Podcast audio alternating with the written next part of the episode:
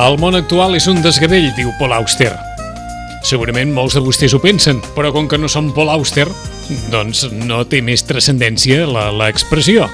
És l'home que apareix a tot arreu, el que està per veure si aquest 4-3-2-1 s'està venent com les expectatives de la crítica gairebé assenyalarien o apuntarien. Rosana Lluc, bon dia, bona hora. Hola, molt bon dia. S'està venent 4-3-2-1? 4-3-2-1 s'està venent. I és curiós perquè s'està venent també molt, molt la traducció al català. És a dir, hi ha molta gent ja que va començar amb l'Auster en català i ha continuat en català, cosa que ens fa especial il·lusió perquè veiem que, doncs, que, que hi ha molta gent que ja s'ha decantat a l'hora de, de llegir-lo, va començar l'Auster en català i van tenir aquesta d'això, no? que van començar potser més tard i van començar ja directament tots en català. I 4321 és un dels llibres més venuts en aquest moment, que si te'n recordes ja vam preveure que començàvem la temporada i que seria, sí. malgrat les seves 900 pàgines, eh? que s'ha de dir que, que és un llibre llarguet, eh? perquè té 956 o una cosa així. És a dir, que sí, s'està venent i molt. I ens deies tu que no és un llibre fàcil de vendre. No, no. Ni fàcil, perquè... ni fàcil de llegir.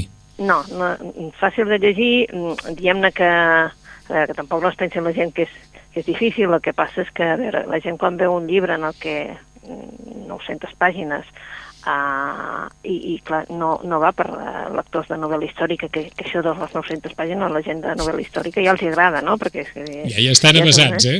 Exacte, ja estan, ja, ja, ja, ja estan avasats. Nosaltres, lectors d'Auster, acostumats a, a, a, a novel·les de, de, de, vaja, de més de 300 pàgines, uh, no hi estem acostumats. Eh, és, que ara, clar, eh? és que ara m'has fet riure perquè és allò de dir, té 900 pàgines, què és? Novel·la històrica. Ja està.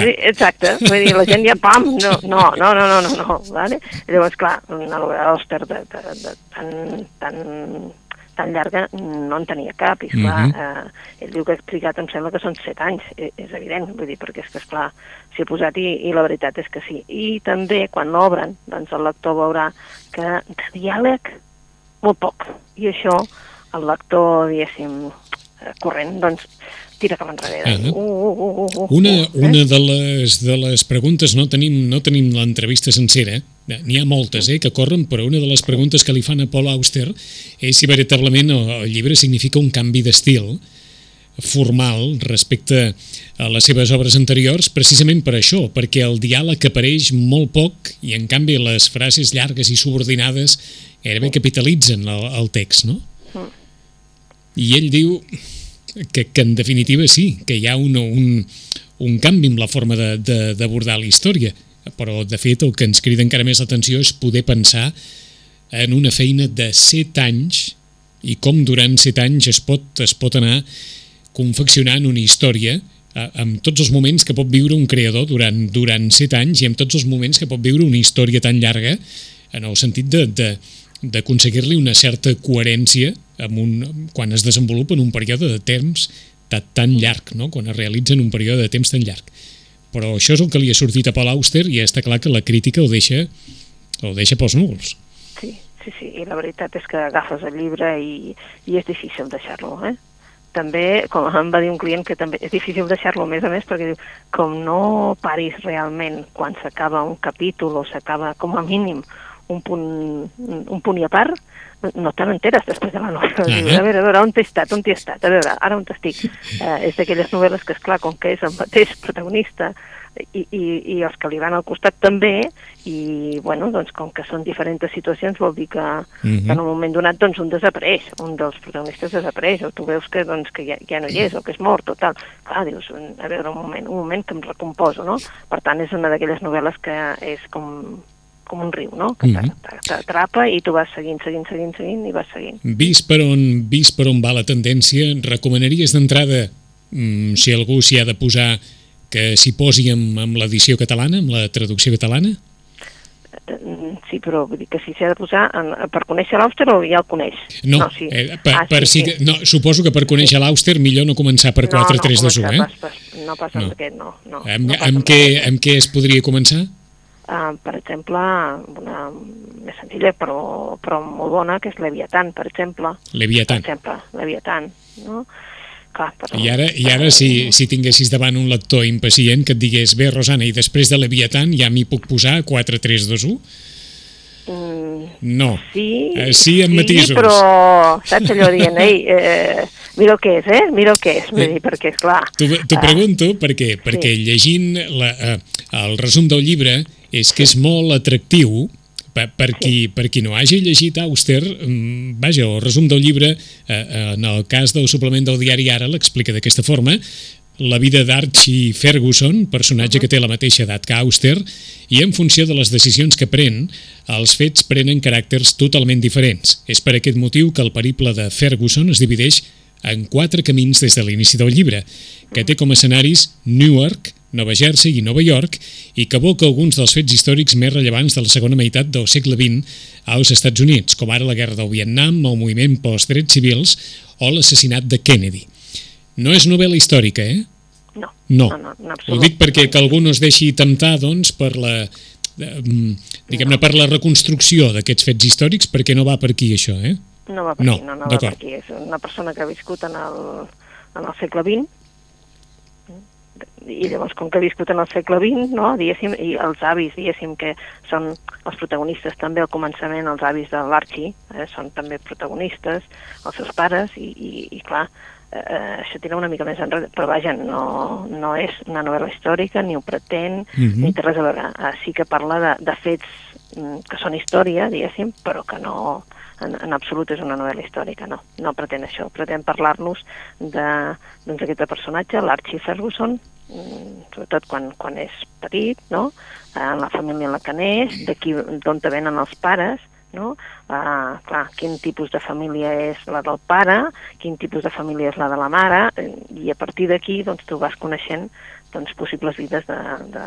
Diguéssim, si hagués passat això, passaria això, si hagués passat allò, doncs ell coneixeria una altra realitat, no?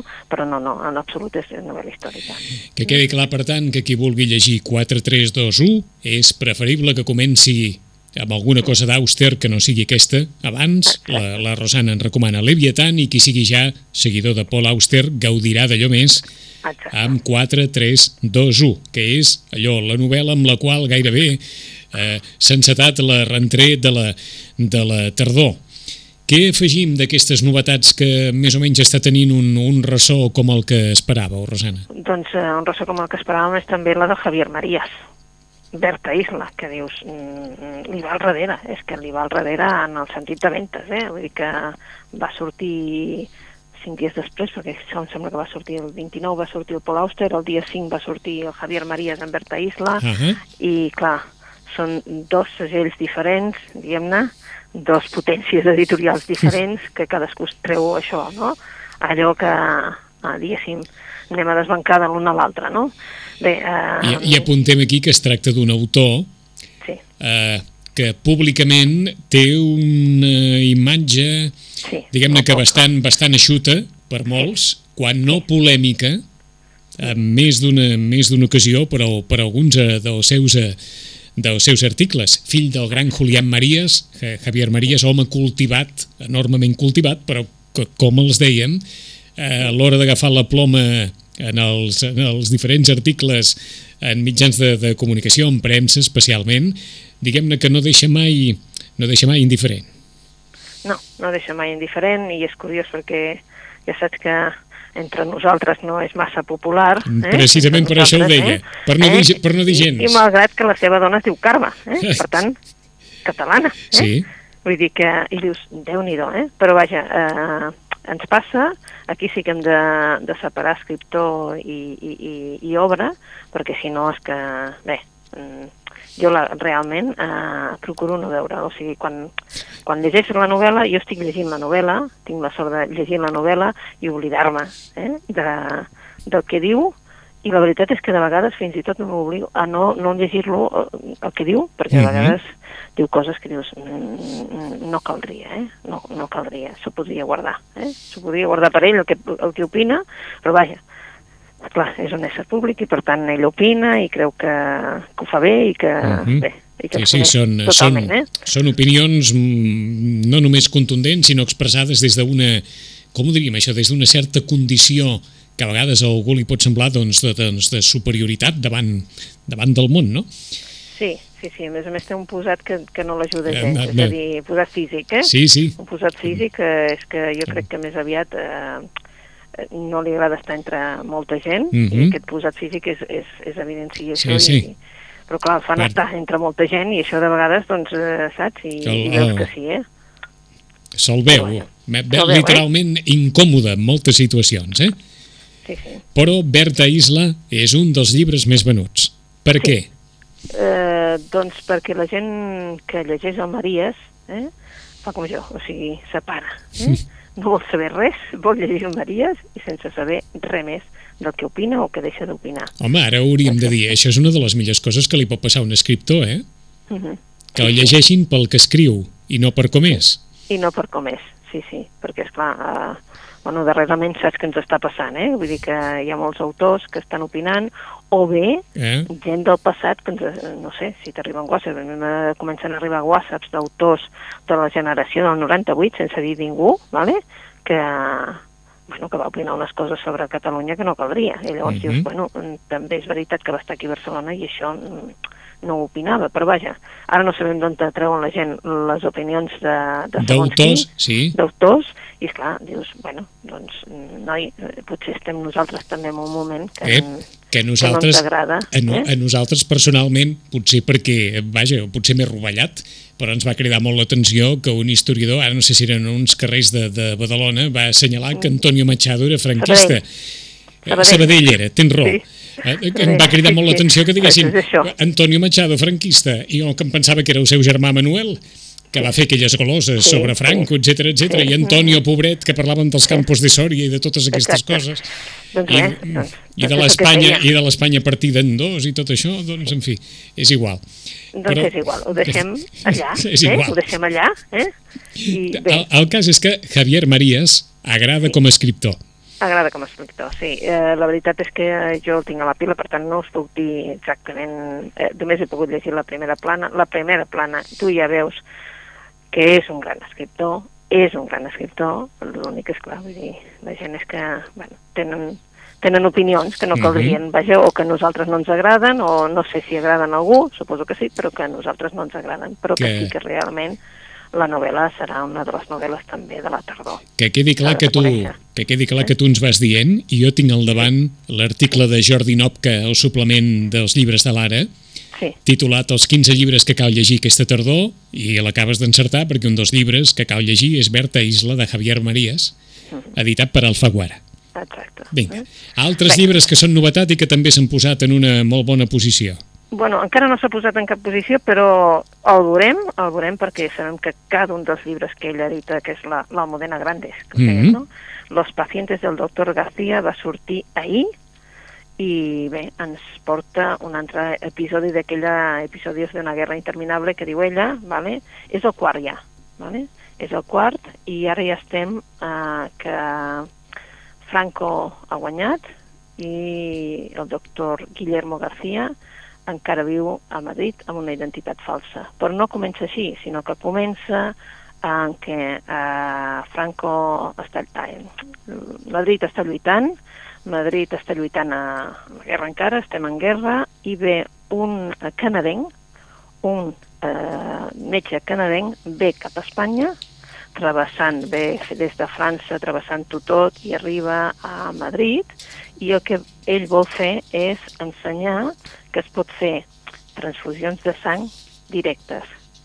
És a dir, des de pacient a pacient es podrien fer transfusions de sang. Eh? Perquè, és clar, la gent s'està morint, la gent no, té, no, té, no tenen prou sang, no tenen, evidentment, eh, als hospitals, eh, siguin de campanya o no campanya, eh, no hi havia sang per a, i la gent es moria de sangnada perquè no hi havia manera d'això. I aquest doctor vindrà a ajudar eh?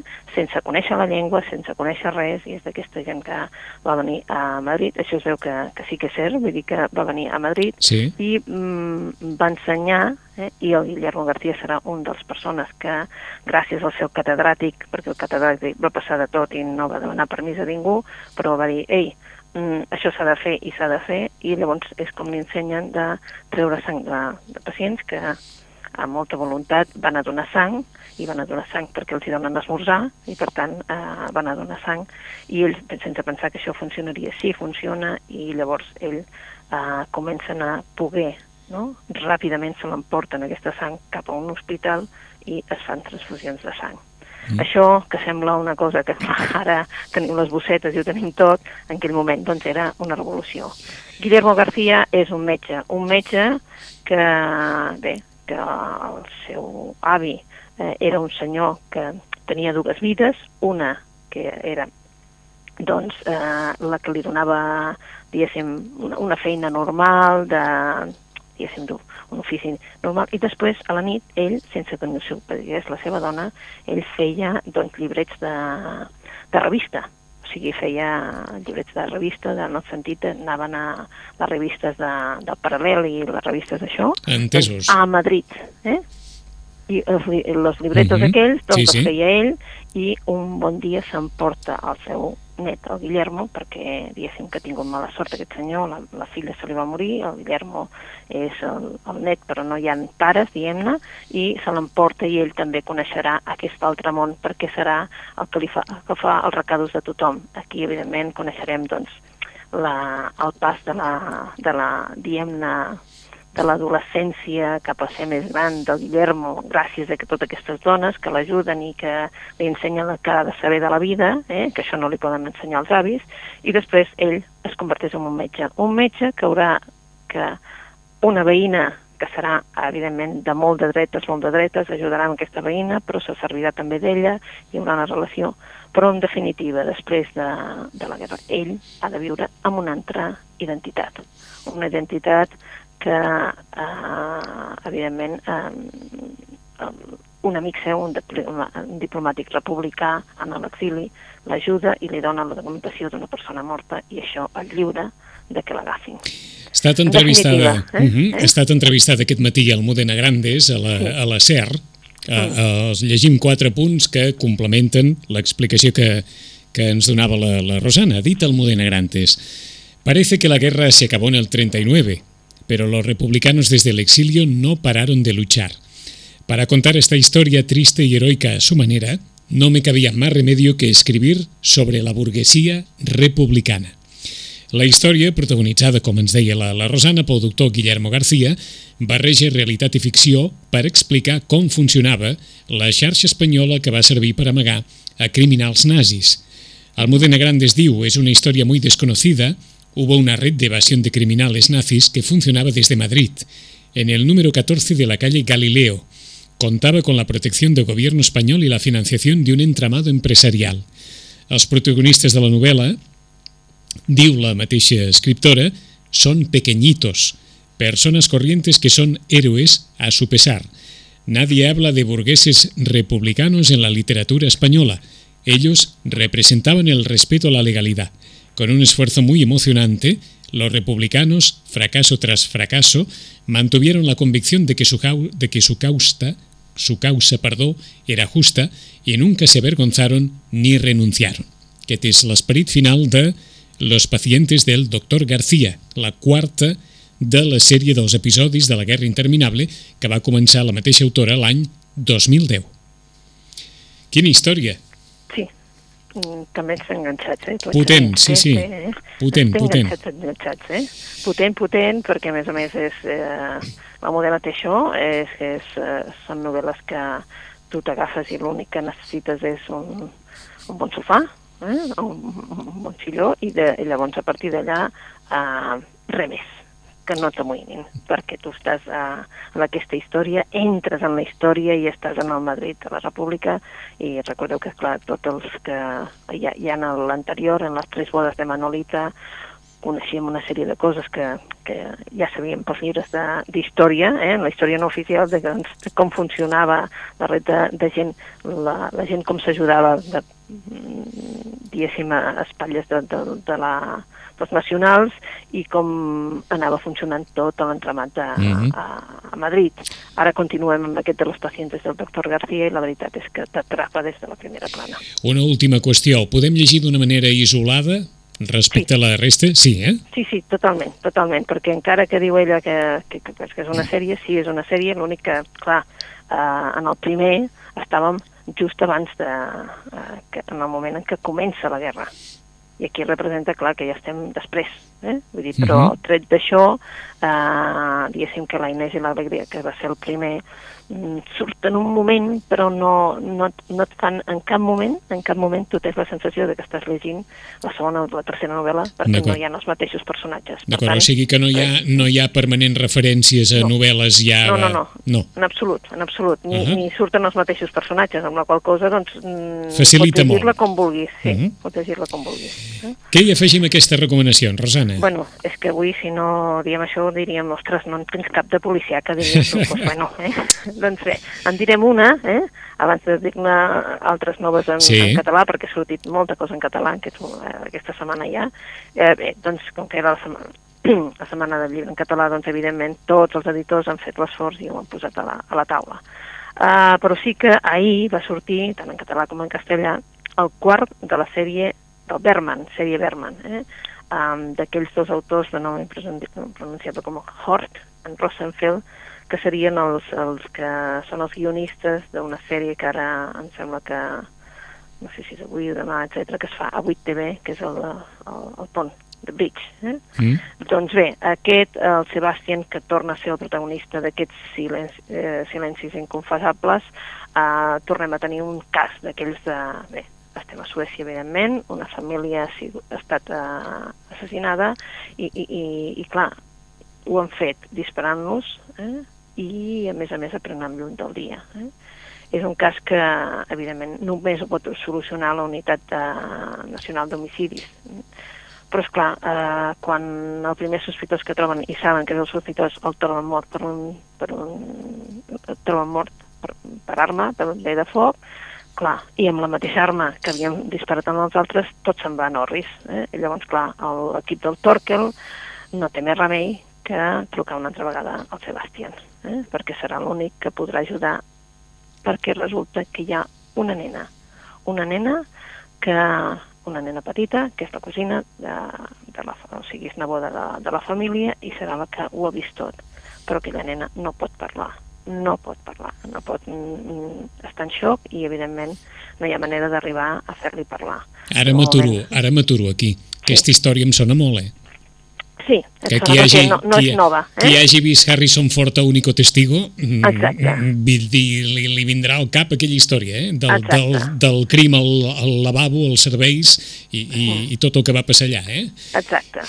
I doncs bé, és una història doncs, que ens té atrapats, que els que ja hem llegit els tres anteriors doncs estàvem esperant aquest per un moment allò que tinguis que dius ja no puc més en res, no puc més en, que ningú no em, ni em cridi, ni em digui, ni, ni, ni em... Eh?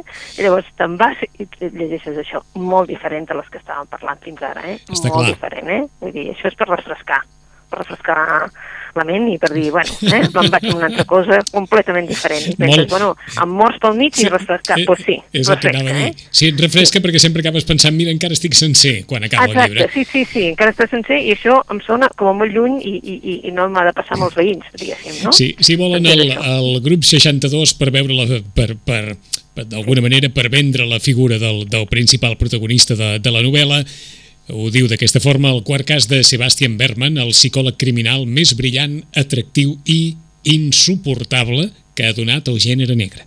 Per tant, la quarta novel·la del psicòleg criminal Sebastian Berman, Silencis inconfessables, de Michael Horth i Hans Rosenfeld. Acabada de sortir també, no és una novel·la curta, eh? 512 pàgines. Sí, però, clar, diguéssim que com que hi ha molt de diàleg, saps? Els espais són grans, vull dir, es fa es pa molt ràpid bé. de llegir, eh? no, no és el mateix, o sigui, no trigaran el mateix que llegir la, la novel·la de la, de la Modena. Eh? D'acord, ni, el, ni el 4-3-2-1 d'en Paul Auster, eh? Exacte, per exemple. Eh? D'acord. Eh? Ens deies que hi havia sobre la taula moltes novetats en català, vinga, anem a anomenar-ne unes quantes. Una, uh, no sé si en vam parlar, em sembla que no, perquè això va ser també una novetat que va sortir just uh, més o menys la setmana del claustre, Els fills de Llacuna Park. No, que no segur que no. no. És una novel·la molt curteta, veus, anem a l'altra banda, és una autora que es diu Maria Huasc, una autora que va néixer al 83 i la veritat és que ja va ser Premi Talent a FNAC el, el 2014 amb olor de clor, de clor sota la roba. Eh? De fet, ara la publica l'altra editorial i Els fills de la llacuna Park ens parla doncs, eh, d'una Barcelona eh, d'ara, diguéssim, eh? Uh, uns personatges que són joves de la Clara, que té 32 anys, però que en definitiva no té casa i per marxar de casa dels seus pares el que ha fet és anar a viure amb el seu germà i la seva cunyada i evidentment té un nebot petit i llavors ella, bueno, viu en el Guianardó i ara ella ha començat a treballar de professora. Està fent una substitució de professora però eh, professora a la presó. Eh? a Brians. Eh? Uh mhm. -huh. La feina li sembla un refugi, però, clar, mm, hi ha un personatge a dintre la presó que la coneix. Uh, bé, aquest personatge uh, una mica doncs, se m'infiltra en la manera de fer d'ella, la té, i és que resulta que eren companyes de classe mm? quan eren joves. Mm? Uh, a partir d'aquí, el que veu un dia és amb el seu germà, el germà d'aquesta noia, que la ve a visitar, que és en Garbiel un noi que amb ella d'adolescent ja li havia fet molt la peça i a partir d'aquesta trobada, doncs hi ha una trobada entre ells dos, una trobada dura, una trobada de, de trobades i no trobades, de, de viatjar cap a un passat, però alhora veure que aquest noi doncs, hi ha moltes coses que no, no té solucionades. Uh, són el cas d'aquells, uh, la noia que està a la presó i aquest noi són germans bessons, uh, i en definitiva doncs, ella s'endinsarà també amb el món més fosc d'aquest personatge. És una novel·la molt curteta, eh, una novel·la que es veu que és una autora més jove i bé, és allò que ens porta cap a una manera de fer completament diferent, és a dir, ella no, no se n'acaba d'anar de casa del germà quan sap que doncs, en realitat doncs, el matrimoni hauria de, de viure sol, no? Eh, tampoc no vol anar a casa del seu pare, eh, dels seus pares, però en definitiva tampoc no té diners per, per fer-ho ella sola. És una mica una situació doncs, de, de molts, molts, molts joves en aquest moment i en definitiva doncs, eh, se'ns identificat amb, amb una generació. En una, en una entrevista que li fan a l'autora, el periodista diu, Eugènia Brogi, l'editora, parla referint-se a la veu de Maria Guas com una barreja és clar, això la, la, la, la Rosana ens ho podrà confirmar o no, en qualsevol cas són, són paraules majors, una barreja entre Marta Rojals i Mercè Rodoreda, una tensió ben resolta entre els nous relats i la tradició catalana. Sí, això és el que diu Eugènia Brogi. Sí, sí. s'assemblaria una, s'assemblaria eh, una mica, eh, perquè la Marta Rojals és la Marta Rojals i ja té, diguéssim, una trajectòria, uh, s'assemblaria una mica a la Marta Rojals, per aquest uh mhm. -huh. tipus de personatges, eh? aquest tipus de personatges d'ara, de Barcelona, de gent que no ens estem fent cas, però és que ja no tenen edat per viure amb ningú i haurien uh -huh. de mhm. viure sols i, i no hi ha manera. T'ho pregunto per si, d'alguna manera, la, uh, el ser una autora no tan, no tan sí. uh, popular, a les persones que els hi pugui agradar a Marta Rojals, els pot agradar a Maria Guasc?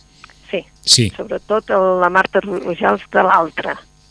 Uh mhm. -huh no, no de la seva primera obra, Primavera, Estiu, etc, sinó més aviat de, de l'altra, saps? D'aquesta obra que es deia l'altra, sí. de la Marta Rojals, doncs potser sí, els personatges tindrien un, un, alguna cosa d'això, saps? Perquè també... Eh?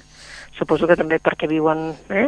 els dos, eh, la parella viu amb una germana, però és que ells, el pis també està la situació és diferent, però vaja, sí, sí, sí, una mica sí que s'assemblaria. D'acord, els fills de la Llaguna Park de Maria Guas, que acabada d'arribar. Alguna recomanació més en català? En català, doncs bé, tens, eh, evidentment, en Jordi Puntí, el que li agraden els contes, no es pot perdre els contes d'en Jordi Puntí, ja sabem que en Jordi Puntí és un autor que que va fer el, la pell d'armadillo ja en el 98 va començar, després Animals Tristos, Maletes Perdudes, que potser és una de les més conegudes com a, com a novel·les, i en definitiva, clar, és un col·labora amb l'Avens i, i segurament que per això se'l coneix. En Jordi Puntí acaba de fer un, un recull de contes que es diu Això no és Amèrica. I aquí tenim una sèrie de personatges doncs, molt, molt, no? Jo he llegit, he començat per un conte que no, no és el primer i és un d'aquells de contes en què s'explica doncs, a, a aquestes trobades d'exalumnes d'una escola no? Quan, que fem Sí. que dic fem, però jo només n'he fet una, però sí que fem, eh? tots plegats aquestes trobades d'exalumnes de quan ja Sí, tens el- 40-50 anys Alguns els, fan, trobes, eh? alguns els fan més que altres. Ah, exacte, alguns en fan més que altres i aquests són un grup d'amics que en fan i de cop i volta qui ho havia d'organitzar no organitza, organitza un altre i com tot va de diferent manera, no? I de com, doncs, arriben a conèixer molt més encara dos excompanys, que és el típic que s'havien sigut companys de taula des de petits no es tornen a trobar ni es diuen res fins a aquestes trobades, no? I de fet, doncs, és una mica doncs, eh, les vides de...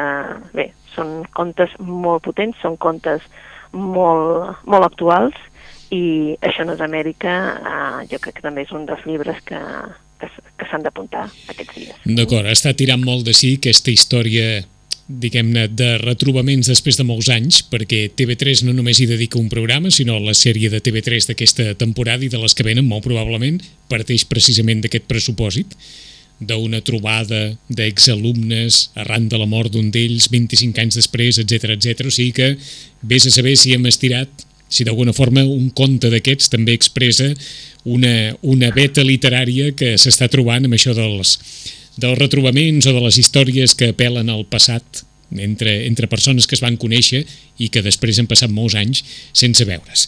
Això no és Amèrica, de Jordi Puntí, a qui li agradin els contes, lectures eh, ràpides i interessants sempre. I tenim temps per una recomanació més, Rosana. Doncs mira, una que acaba de sortir és el Premi Ciutat de Tarragona de novel·la Pini Soler, que l'ha guanyat el Xavier Aliaga amb les quatre vides de l'oncle Antoine, eh? en francès. Per què en francès? Pues que resulta que això és una barreja entre ficció i no ficció, perquè eh, ens diuen que l'Antonio Aliaga, l'Antonio, no l'Antoine, eh? l'Antonio Mhm. Aliaga va fugir d'Espanya durant els primers anys de la postguerra. Eh? Per què? Pues perquè havia viscut una mica, eh, havia fet doncs, això, activitats antifranquistes i, i, i havia estat una mica a la clandestinitat. No? I llavors, bé, se'n va deixant evidentment la família, com molts altres van fer, no? deixant aquí dona i fills, i se'n va a Carcaixent i s'allista a la legió estrangera. Mhm. Clar, la, legió- la legió estrangera en aquell moment estava amb la guerra d'Indochina i bé, mm, aquest personatge, l'Antonio, es converteix eh, clar, en un personatge doncs, una mica mític, una mica doncs, legendari per tots plegats, i ara la Xavier Laliaga eh, no ha conegut aquest oncle. És el seu oncle, no l'ha conegut, però una mica fa de cronista i s'endinsa amb el que hi ha de realitat i el que hi ha de... No? Ell el que fa és endinsar-se en tots els papers de, del, del passat familiar per treure al llum una mica la veritat. Eh? i bé, una mica doncs, treure eh, no només les grandeses sinó també les misèries mm, d'aquest oncle Antoine. No sé, a mi em, només he, he començat una mica, només per poder veure de què anava, etc i, i, he recordat de cop i volta doncs, una mica també doncs, el fet de que el, el Cercas, no, en l'últim llibre, també intenti doncs, explicar-nos no, aquest oncle avi, aquest oncle avi que, que ell no va conèixer però que sempre va estar present i en canvi era de dels altres, eh? Ojo, que aquell era, que era un feixista, com li diu el personatge, li, li diu el Trueba allà, allà enmig de la novel·la, home, has de reconèixer que el teu oncle era feixista i prou, vull dir, assumeixo i punt. Mhm. Doncs aquest doncs, seria, diguéssim, de l'altra banda, no? Però, en canvi, doncs, també el que ell vol fer és, un, és la recuperació, en definitiva, és una recuperació de tota aquesta gent que estan en l'oblit, eh? d'aquesta gent que ens va marxar. Les quatre vides de l'oncle Antoine de Xavier Aliaga. En aquesta llista de llibres que s'han de llegir la tardor que publica l'ara, n'ha dit un altre del, del, de la llista que, que ha fet el seu autor, aquest Això no és Amèrica, que comentàvem fa un momentet, però te n'apunto només, perquè per allò que hem de suposar que algun dia els traurà la Rosana en un moment o altre perquè estan al caure, de Lluís Llach, el noi del Meravilles, encara no, encara no hi és. per això dic no és, sí, que quan, sí. eh, suposo que en algun Sí. moment la, la Rosana ens el traurà, una columna de foc de Ken Follett el varen comentar fa 15 dies, que és aquellò acabat, acabat d'arribar. Ahir, ahir, eh? Ahir, ahir arribava. O Ahir sigui que arribava. eh, en parlarem d'aquí d'aquí 15 dies. Ens apunten també, i segurament que la Rosana no se'l deixarà perdre, Un hivern fascinant, de Joan Margarit, No me'l deixaré perdre. editat per Proa, i ens apunten, i aquí sí que m'ha cridat molt, molt l'atenció, que s'apunti, és clar, és una, és una reedició, el, el propi periodista diu que, que quan l'autora li descrivia la seva obra al seu editor, que era no gens menys que Joan Sales, li deia que li havia sortit un llibre terriblement poètic i terriblement negre. És La mort i la primavera de Mercè Rodoreda. Que, vaja, sembla que, que se'n treu una reedició o se n'ha de, o se de treure i està dins aquesta llista de, de, de llibres que, que cal llegir i no sé si aquest, si aquest llibre de Mercè Rodoreda eh, ha quedat mm, allò amagat en l'ostracisme darrere les seves obres més, més populars, La mort i la primavera. Sí, ha quedat, ha quedat, eh, és un dels llibres que oblidat, no... no... Oblidat, oblidat, perquè eh, també hem de, de tornar a recordar que eh, no llegim Pedrolo, no llegim Montserrat Roig, no llegim Mercè Rodoreda, mm, si no el recomanen a l'escola veus que no hi ha tampoc, eh, però que dèiem l'altre dia, estem molt contents que s'ha reeditat el, el, els catalans als camps nazis, vol Sí, dir que sí. s'està recuperant l'obra de la Montserrat Roig, no? I, I bé, doncs La mort i la primavera és una obra que ha quedat allò que ningú, ningú Que- la coneix, com si Eh, esclar, diguéssim, eh? en, ens ho has posat molt bé. No s'havia reeditat mai els catalans als camps nazis? Eh, Bé, és, eh, fa moltíssims anys que estava exaurit, però moltíssims anys vol dir moltíssims anys, anys. que estava, que estava eh, mm, exaurit i Quan? no hi havia manera. Quan continua sent per molts una obra de capçalera, més enllà de, del seu interès com a, com a obra literària, Sí, una obra de capçalera en el, en el seu moment, no? i citava, però no hi havia edició, o sigui que no hi havia edició. I llavors, bé, no és la mateixa edició que, que fa uns anys, Sí. no? Però, de fet, el text és el que ens interessa i el text sí que hi és a partir de, la, de fa això, 10 dies. D'acord? Doncs, doncs eh, val la pena també aca acabar amb aquesta reedició. De Montserrat Roig, els catalans als camps nazis, de fa 10 dies, Sí, sí, s'ha 10 reeditat dies i, ser, mm? i aquest seria un llibre d'aquells de... Eh, s'ha de tenir algun llibre a casa, si és que algú encara té llibres o allò té d'això, doncs sí, s'ha de tenir, per exemple, aquell llibre de Montserrat Roig s'ha de tenir. És un d'aquells llibres que s'han de tenir. S'han de Eh, tenir. Després n- n'afegim, però és un d'aquells llibres que s'han de tenir, i més en els temps que corren, s'han de tenir. Hem començat el repàs amb Paul Auster, aquest 4-3-2-1.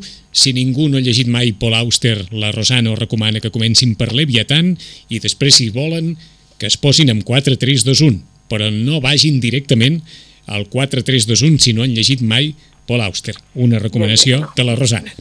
D'Almudena Grandes, aquest sí que el poden agafar aïllat de la, de la col·lecció, Los pacientes del doctor García, el quart volum dels episodis de la Guerra Interminable, aquesta història també de nazis amagats a Madrid després de la, de la Guerra Civil, de Michael Jort i Hans Rosenfeld, el quart de la sèrie Berman, d'aquest eh, psicòleg criminalista eh, protagonista de moltes històries negres, el quart episodi d'aquesta sèrie Berman es titula Silencis inconfessables, us agradarà. De Javier Marías, Berta Isla. Javier Marías pot generar amors i odis, però els seus llibres són un referent a l'hora d'escriure. De Maria Guasc, Els fills de la Llaguna Park. Si us ha agradat l'altre de Marta Rojals, és molt probable que us agradi Els fills de la Llacuna Park de Maria Guasc. I qui vulgui lectures allò per agafar i per, per deixar, per agafar i per deixar, els contes de Jordi Puntí, Això no és Amèrica. En 15 dies els llibres tornaran amb la Rosana Lluc. Rosana, bona lectura. Bona lectura amb vosaltres també.